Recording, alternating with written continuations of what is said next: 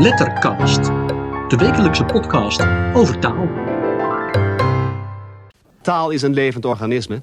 En uh, dan taal verandert als veranderen wij automatisch mede. En wat hebben wij nu zien gebeuren? Dat als en dan elkaar steeds vaker zijn gaan overlappen dan het waren. Welkom bij de Lettercast, de wekelijkse podcast over taal. En uh, in deze aflevering, aflevering I, gaan we het hebben over als, dan, dan, als, hen, hun, hun, hen. Uh, dat soort taalkwesties, daar gaan we uitgebreid bij stilstaan. Uh, we geven antwoord op de vraag... Adam. welke vraag? Adam. En in deze aflevering I hebben we natuurlijk weer een gastbijdrage. Een gastbijdrage van iemand van wie de naam met een I begint. En dat is hoogleraar wetenschapscommunicatie van de Universiteit van Leiden, Jonica Smeets. En zij gaat het hebben over de discrepantie tussen jargon en alledaags taalgebruik. Maar nu eerst, zoals elke week, de bijdrage van Wim Daniels. Beste mensen, mijn wekelijkse bijdrage aan de Lettercast gaat deze week over taalkwesties die vaak voor ingezonde brieven zorgen, uh, waarop mensen uh, vaak over struikelen, waarvan mensen zeggen ja, maar het wordt fout gedaan. Veel kwesties zijn kwesties die hebben te maken met lastige regels. En ik noem er een paar, uh, er zijn er heel veel, maar ik noem er een paar het zijn in feite kleine dingen, maar ehm, toch zijn er mensen die voortdurend erover vallen omdat er veel fouten tegengemaakt worden. Maar ligt dat nou aan de mensen die die fouten maken of ligt dat aan de regels? Eén licht ik er alvast uit en dat is het verschil tussen hen en hun. Wanneer moet je hen gebruiken, wanneer moet je hun gebruiken? Nou, als je kijkt dat mensen, uh, als ze praten, allemaal zeggen, dan wordt die regel heel vaak genegeerd. Ook bij het schrijven zie je heel erg vaak dat mensen ergens hun gebruiken waar het hen moet zijn, of andersom. Wat is de regel? Um, hen gebruik je als het leidend voorwerp is. Ik zie hen. Maar als ik dit zeg, hen gebruik je als het leidend voorwerp is, dan besef ik zelf meteen al dat dat een een, een heel lastige regel is. Wie weet er nu wat een leidend voorwerp is? Dat weet ook bijna niemand. Dan moet je dat op school al gehad hebben. Uh, en als je het op school al gehad hebt, dan kan het best zijn dat je dat niet hebt begrepen, omdat het ook nog iets heel abstracts is. Bovendien kan het best zijn dat je de regel die je misschien ooit geleerd hebt en misschien ook wel ooit begrepen hebt, weer helemaal vergeten bent. Maar goed, ik herhaal het nog een keer. Hen moet je gebruiken als het leidend voorwerp is. Ik zie hen. Soms wordt er ook nog bij gezegd, uh, dan moet het om personen gaan. Want zou het om dieren en dingen gaan, dan zou het geen hen zijn, maar dan zou het ze zijn. Ik zie ze daar lopen. Um, maar goed, ik zie hen. Is het meewerkend voorwerp? Weer een heel lastig begrip, meewerkend voor, voorwerp. Wat is in hemelsnaam een meewerkend voorwerp? Ik ga het hier verder niet uitleggen, want dat is dan weer een andere kwestie. Maar goed, als het meewerkend voorwerp is, dan is het hun. Ik geef hun 10 euro. Bij meewerkend voorwerp wordt, vaak gezegd dat je aan of voorbij kunt denken. Uh, en dan is het een meewerkend voorwerp. Maar in dit geval is dat nog wel een belangrijke toevoeging. Want als er aan of voor daadwerkelijk staat, dan wordt het toch weer hen. Ik geef aan hen 10 euro. Dus het is, ik zie hen, leidend voorwerp. Ik geef hun 10 euro. Ik geef aan hen 10 euro. Nou ja, het is, een, het is vind ik zelf een, een, een tamelijk dwaas uh, verschil. Het is een verschil voor meervoud. Uh, ik dacht dat PC Hoofd, uh, de 17e eeuwse dichter en staatsman, die heeft zelf nog ooit het verschil willen aanbrengen tussen hem en hum. Want het was iemand met wie die samenwerkte, Christian ten Heulen, die dat verschil tussen hen en hun heeft geïntroduceerd uh, rond 1635. En toen zei PC Hoofd, als ik het wel heb, ik weet niet helemaal zeker of het klopt, maar als ik het wel heb, um, dat dat een verschil was hen en hun voor het meervoud en dat hij toen voor het mannelijk enkelvoud ook een verschil ging bedenken tussen hem en hum. En dat woordje hum um, heeft hij ook honderd keer gebruikt in zijn boek um, Nederlandse historie. Daar kom je ongeveer honderd keer dat woordje hum tegen. Maar dat is in feite een stille dood gestorven. Dat heeft dus niet gehaald. Maar voor hetzelfde geld hadden we nu ook een verschil gehad tussen hem en hum. En raar is dat niet, want als je een verschil hebt tussen hen en hun, waarom zou je dan geen verschil hebben tussen hem en hum? En hum ken ik zelf als dialectspreker heel erg goed. Ik zeg vaak daar de hum weer. Um, geef maar een hum. Um, dus ik gebruik in mijn dialect gebruik ik dat woordje hum heel erg, heel erg vaak. Dat is helemaal geen raar woord, zoals het woordje hully dat ik in, uh, onder andere als onderwerp gebruik, maar ook als leidend voorwerp. Ik zie Hully uh, nog, nog, nog weglopen. Uh, Hully hebben dat gedaan. Dat is natuurlijk ook helemaal geen raar woord. Want dat is in feite hetzelfde woord als jullie. Jullie is ontstaan uit jullie en Hully is ontstaan uit hun lieden. Daar is het een verkorting van. De dikke Vandalen neemt Hully trouwens ook nog steeds op. Um, staat natuurlijk wel bij dat het niet algemeen is, of staat bij dat het streektaal is. Maar veel van die dingen die zijn op zich niet zo raar. Alleen hebben Hully en Hum dus nooit school gemaakt. Maar voor hetzelfde geld zouden we nu zeggen: Hully gaan naar school.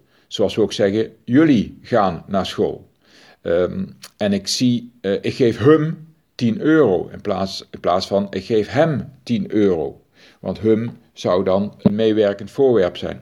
Afijn, um, maar dat verschil tussen hen en hun is dus zo onduidelijk en, en, en in feite ook zo volstrekt willekeurig in de 17e eeuw bedacht en er is een formele regel van gemaakt dat ik denk, nou ja, dit moeten we toch wel afschaffen. Dit is niet iets waar je mensen op moet aanspreken of waar je mensen op moet aanvallen als ze dat fout doen. Want de regel is zo onduidelijk dat het bijna niet te doen is om dat na te voelen. Zeker niet als je niet taalkundig geschoold bent, eh, niet geschoold bent in de regels van de Nederlandse taal, dan, dan kun je dit nooit goed doen. Dus mijn voorstel zou zijn, niet per se een voorstel nu, maar als ik het ergens voor het zeggen zou hebben, als het gaat om regels in de Nederlandse taal, dan zou ik zeggen, schaf dat af, hun en hen.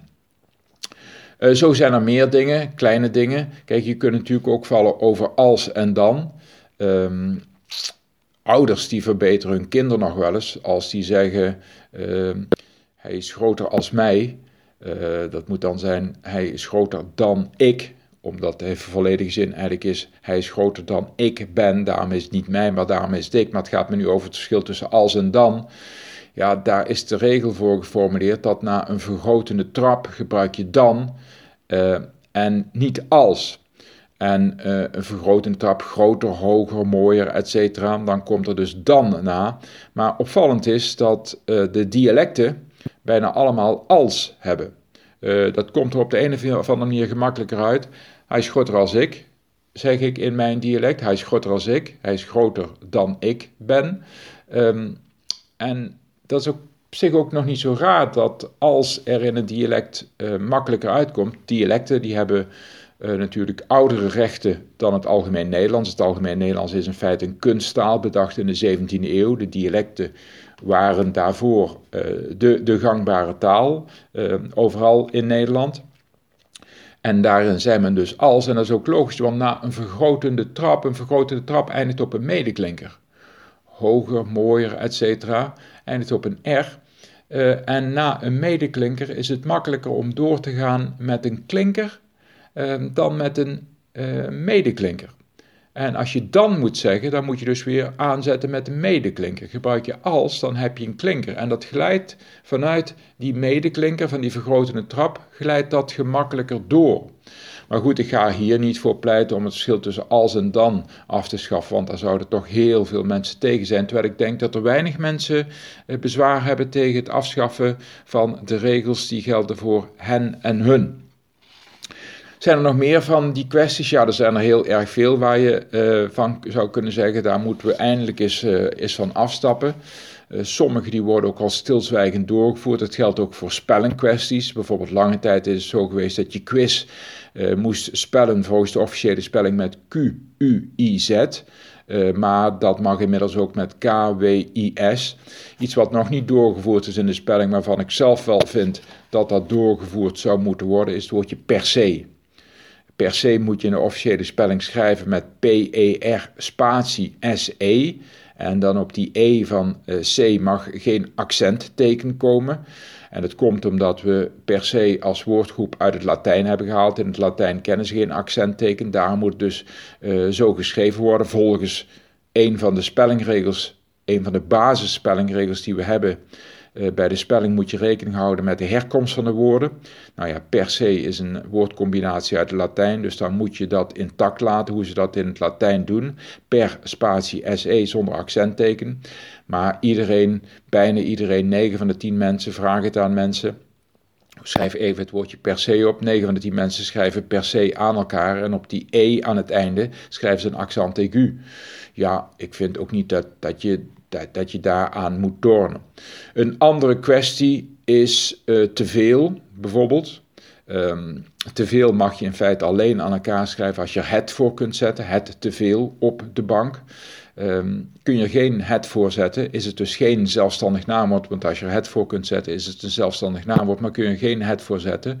Uh, te veel mensen dragen nog geen mondkapje in de openbare ruimte, dan moeten het twee woorden zijn. Ja, dat vind ik ook een, een, een onderscheid dat wel heel erg subtiel is. Want uh, het is niet zo gemakkelijk voor mensen om na te voelen wanneer is nu een zelfstandig naamwoord en wanneer is geen zelfstandig naamwoord. En blijkbaar hebben veel mensen het gevoel dat te veel eigenlijk altijd aan elkaar moet, want meestal wordt het aan elkaar geschreven. Zo zijn er meer van die kwesties um, waarvan ik me afvraag, het zijn kleine kwesties, moeten we daar niet iets toleranter in zijn?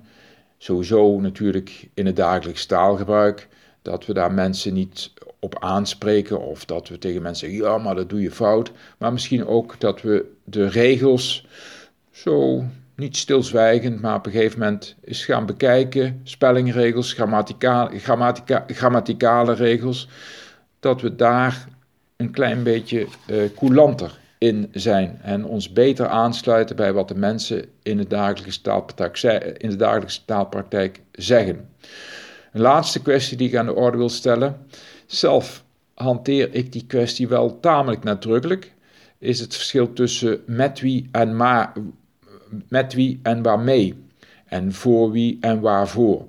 Uh, de combinaties met moet je gebruiken met, bij personen. Uh, de man met wie ik vandaag meega.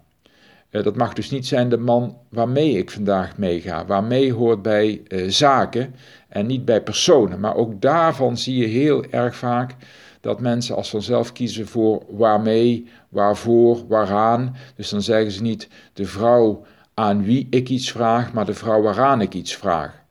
Ook dat vind ik een kwestie waar we misschien niet meer zo moeilijk over moeten doen. Hoewel ik zelf het wel fijn vind om dit goed te doen. Met wie? Het voelt mij, voor mij wel logischer aan om met wie te gebruiken voor personen en waarmee te gebruiken voor zakelijke dingen.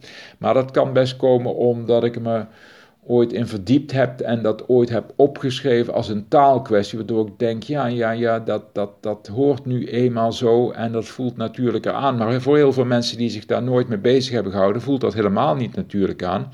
En die zeggen als vanzelf waarmee, waarvoor, maakt niet uit of dat personen of zaken zijn. Goed, dat zijn een paar van de taalkwesties. Er zijn er meer. Uh, ik heb ze ooit op een rijtje gezet. Alles bij elkaar zijn het wel 70, 80 taalkwesties waarvan ik vind, die zou ik wel eens willen aanpassen. Maar ik houd hier bij deze paar taalkwesties. Dit is mijn bijdrage voor deze keer aan de Lettercast. Tot de volgende keer. De Lettercast, de wekelijkse podcast over taal. Zoals elke week hebben wij ook in deze lettercast weer een gastbijdrage. En dat is in deze aflevering I natuurlijk iemand van wie de voornaam met een I begint.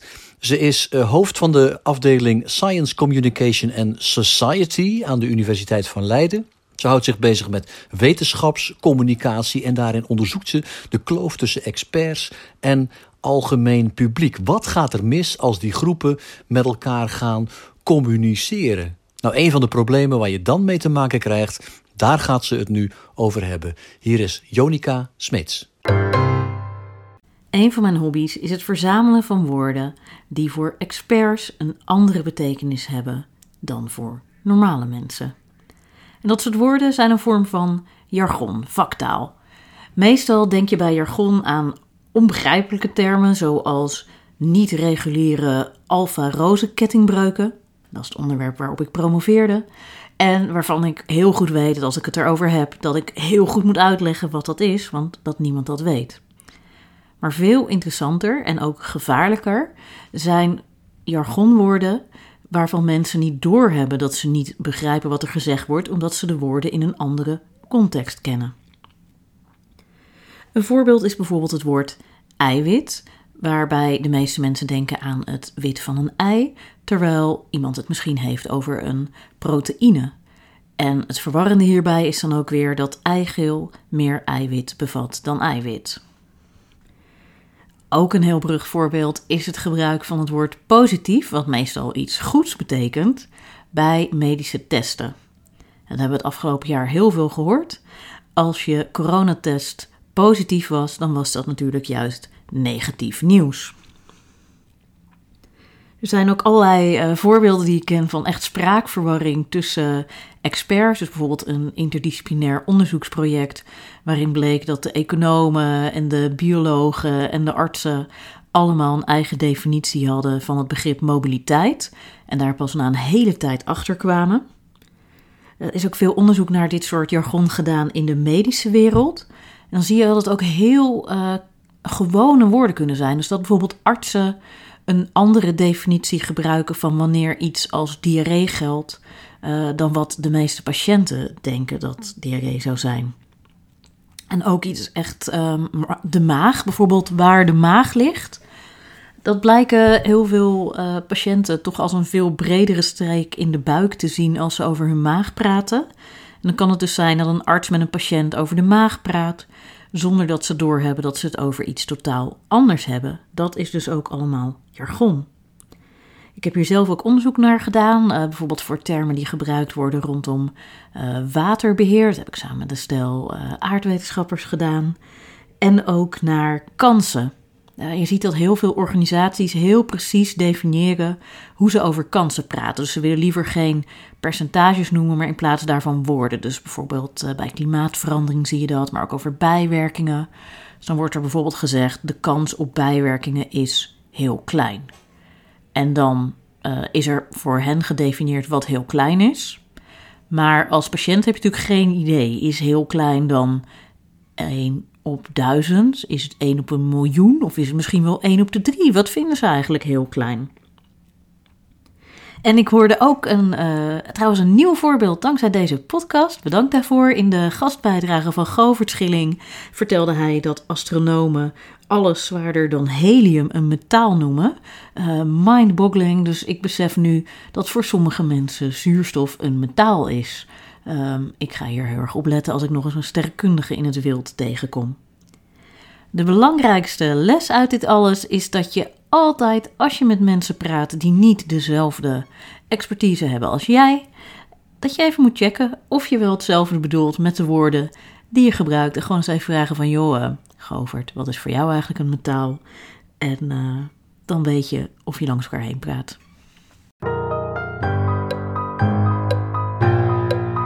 Lettercast, de wekelijkse podcast over taal. Jonica Smeets was dat, hoogleraar wetenschapscommunicatie aan de Universiteit van Leiden. En als je nou ook zo'n woord hebt waarvan je denkt van ja, dat betekent in jargon toch echt iets anders dan, dan in het dagelijks taalgebruik. Laat het ons dan weten. Zet het op social media met de hashtag Lettercast met een C. En dan eh, geven wij het aan Jonica door voor haar verzameling. Zeg, Beurtman. Adam ik zeg, wat? Adam Adam Ja, Adam Adam En noem je dat dan? Een murr. Een murr. Ja, noem je dat dan een murr? Michael Harte was dat. Advocaat, ondernemer en ook performer. Hij stond hier in het theater met een programma in het Terneuzens. En, uh, of eigenlijk het, het, het, dialect van het land van Axel. Uh, ja, Axel en Terneuzen lagen vroeger op een Een beetje een apart eiland in Zeeuws-Vlaanderen. Zowel in het oosten als in het westen door water, door brede kreken afgescheiden van de rest van Zeeuws-Vlaanderen. En dat hoor je nog steeds terug in het, in het dialect. Het, het dialect van het land van Axel, dus ook Terneuzen, Saamslag bijvoorbeeld. Dat is echt een heel ander dialect dan wanneer je ten oosten komt. Uh, bijvoorbeeld in Hulst of in Kloosterzande. Of je komt ten westen, in, in Katzand of in Oostburg. Dat zijn, dat zijn echt behoorlijke verschillen in dialect. Wat die dialecten wel allemaal gemeen hebben, is dat je daar de G niet uitspreekt. De G wordt daar een H. Dus dan zeg je niet muggengeheugen, maar. De G wordt dus uitgesproken als een H. En hier is het natuurlijk komisch, omdat je wel vier van die H's achter elkaar hebt. Dat je als buitenstaander helemaal denkt van, wat is dit voor een woord? Is dit überhaupt wel Nederlands? Maar in het dagelijks taalgebruik uh, is dat volkomen natuurlijk. Die G die verandert in een H en het is volstrekt verstaanbaar. Vrijgezel, al bij zijn moeder gewoond. Zijn moeder is al jaren geleden overleden. Hij woont daar nog en... Vrijgezel, altijd bij zijn moeder gewoond. Jaren geleden overleden. Hij woont er nog en... Allemaal G's die vervangen worden door een H. En hoe is dat zo gekomen? Nou, dat is natuurlijk sterk onder invloed van het, van het Vlaams. Uh, Zeeuws-Vlaanderen ligt mm, ja, nergens fysiek aan de rest van Zeeland vast. Er zit een dikke Westerschelde tussen. En uh, het zit wel vast aan Vlaanderen. En vooral het West-Vlaams heeft dat ook. Dat de G verandert in een H. Hier is bijvoorbeeld een klein stukje uit een lied van uh, Flip Collier. En of dan zet ik kijk, wat mijn neus daar in de fek. En ik heb de grootste moeite voor het ding te zeggen. En ik ken de grootste moeite voor het ding te zeggen. Niet grootste en zeggen, maar grootste en zeggen. Flip Collier komt uit West-Vlaanderen. Hij komt uit uh, Izegem, of zoals ze daar zeggen, Izehem. En eigenlijk zijn al die plaatsnamen, daar zie je het ook al aan, dat ze de G niet uitspreken, dat dat een H wordt. Brugge wordt Brugge. Je gaat niet naar Gent, maar naar Hent. En het is in Zeeuws-Vlaanderen ook. Je gaat niet naar Sas van Gent, maar naar Sas van Hent. Uh, je gaat niet naar Groede, maar naar de Groe. De G wordt daar als een H uitgesproken. En het bijzondere is, als er een H staat aan het begin van een woord, wordt die dan weer niet uitgesproken. Dus je gaat niet naar Hulst, maar naar Ulst. Je gaat niet naar Hengsdijk, maar naar Engsdik. Naar Hoofdplaat, naar De Noek naar Rus. Precies zoals in West-Vlaanderen. Artander. De strohalmen. Eerlijke aspen. Oornoesten. Honger. Aan tafel. Helikopter. De naaf van Hoe komt het toch dat die West-Vlamingen het zo moeilijk hebben met de H? Ze hebben eigenlijk geen H. De H is al honderden jaren verdwenen uit de West-Vlaamse dialecten. Ah bon? Dus de H van huis die bestaat hier niet. Ook in Oost-Vlaanderen, grote delen van Antwerpen, Vlaams-Brabant en zelfs enkele Limburgse plaatsen is de H weg uit de dialecten. Wat bijzonder is in West-Vlaanderen is dat die H al heel lang weg is en dat ze ook nog eens die verzwakte G van genoeg en held hebben. Dus als West-Vlamingen schrijven geld, spreken ze dat uit als held. Als ze schrijven held, zoals superheld, zeggen ze eld zonder H. Dus als er een H staat, spreken ze ze niet uit. En als er een G staat, spreken ze die uit als een H. Daar lijkt het op.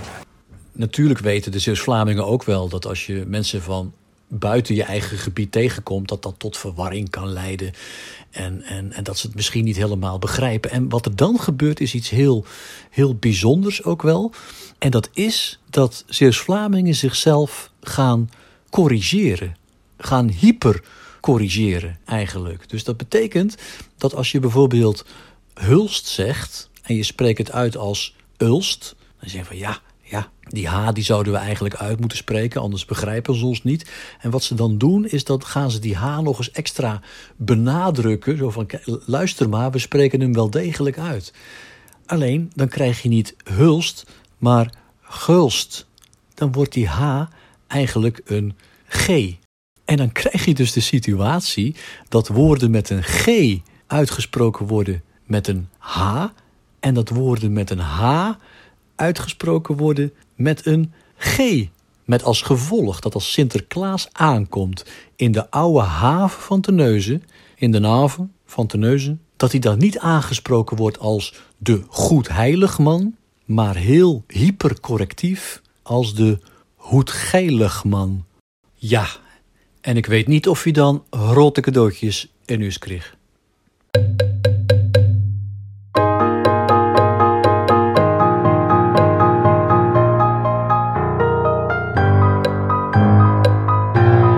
De Lettercast, de wekelijkse podcast over taal. Graag gedaan en geen alsk.